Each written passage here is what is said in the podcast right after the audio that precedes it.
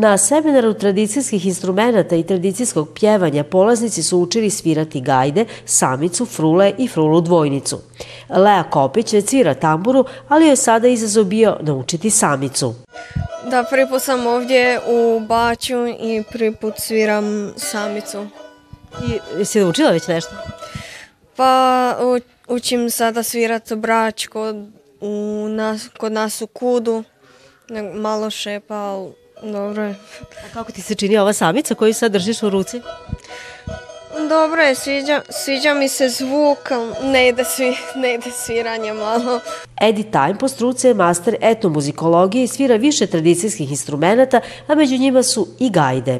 Treba uskladiti samo udovavanje vazduha, da li kroz preko, preko ovog, ovog uređaja koji se zove laktača ili, ili uduvavanjem, fizičkim uduvavanjem, uskladiti i sa samim pritiskom ovaj, druge ruke i onda ovaj, sve ostalo ide, ide mnogo lakše. U prošlom veku ovaj, svakako bile su jedan sastavni deo e, čovekovog života, bukvalno nijedna slavlje, nije mogla da prođe bez gajdaša.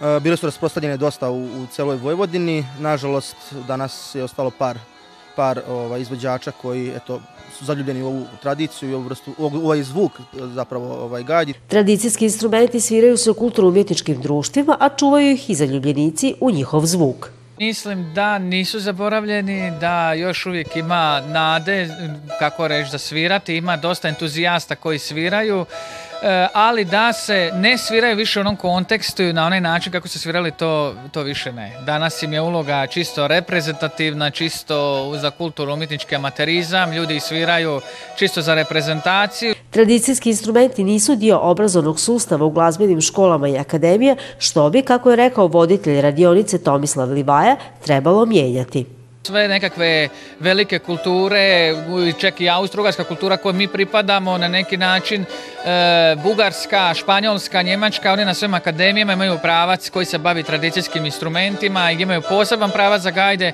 kod nas nažalost to nije slučaj. Čak nekako sam doživio da na našim prostorima e, glazbeni pedagozi nekako imaju nekakvu averziju prema tim instrumentima, vjerujem zbog nekakve hiperinflacije, hiperprodukcije i tamburaških orkestara i kud koji su se raširili i tako dalje.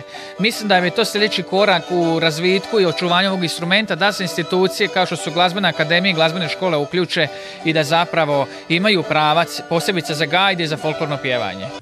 Seminar je organiziran u Didinoj kući u Baču, ovaj je treći puta da udruga Tragovi Šokaca kroz seminar pokušava zainteresirati mlade za tradicijsku glazbu i tradicijsko pjevanje.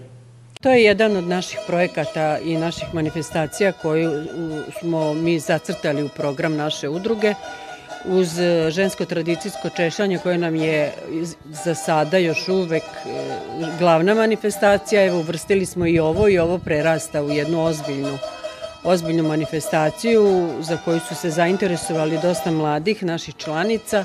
Tako da, evo, nadamo se da će na godinu biti još više i svake godine sve više i više, pa dok dok mi možemo e, da prenesemo na mlade ono što, što je naša tradicija, jer nekad e, su, kao što je e, Tomislav rekao u svom predavanju, da su gajde bile glavni instrument nekad u šokačkom, šokačkom da ne kažem folkloru, nego u šokačkom svakodnevnom životu.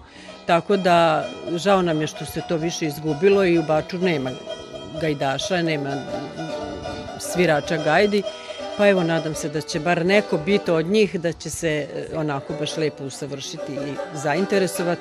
Pa možda nekad i neki folklor, pa da se zasvira i da nas gajdaš prati. Na kraju seminara priređen je zajednički nastup sudionika radionice, a novi susret zakazan je za narednu godinu. Gledate paletu. Izbor iz emisija na jezicima nacionalnih zajednica.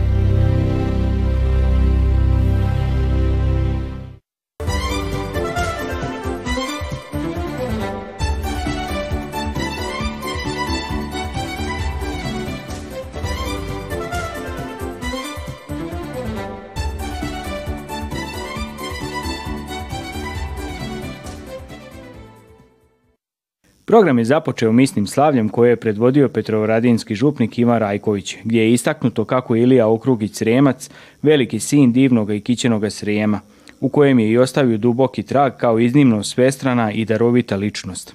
Jedan vrlo svestran čovjek i drag mnogima, kako prostom puku, tako i širokom intelektualnom krugu svoga vremena 19. stoljeća, prije svega prezbiter, svećenik Rimokatoličke crkve, ali i književni stvaralac, povjesničar, poliglota.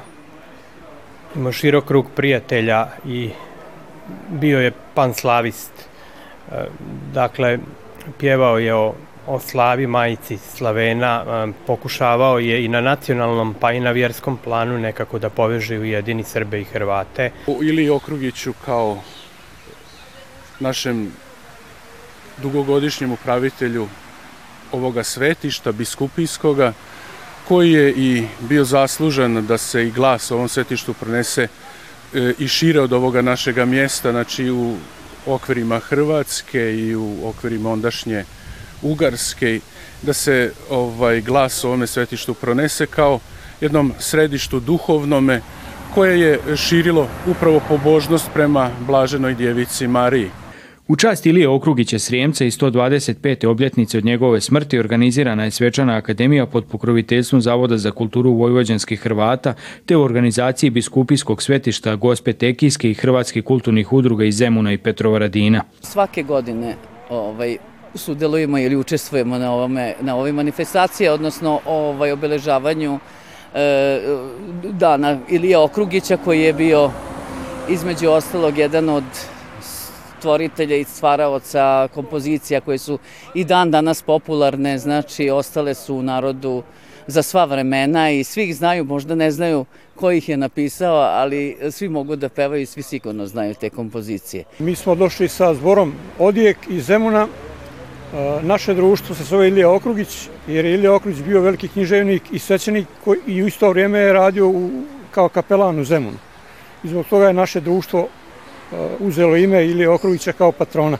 Nama je koji danas uh, gajimo i vodimo određene procese unutar kulture vojđanskih Hrvata da te da ta sjećanje uh, činimo živima. Ovo je jedan od načina da ime i opus, dijelo Ilija Okrulića Srijemca učinimo živim prenesemo budućim pokoljenjima. Vidjeli ste da ovo je samo jedan manifestativni dio, da smo digitalizirali unutar zavoda dio njegove književne baštine, da smo izdali Laporel i da ćemo do konca godine vjerojatno objaviti jednu studiju o njegovom dijelu. Na taj način čini mi se da se na pristojan način odužujemo svemu onome što je on uradio, a mi danas kao baštinu e, nasljedimo.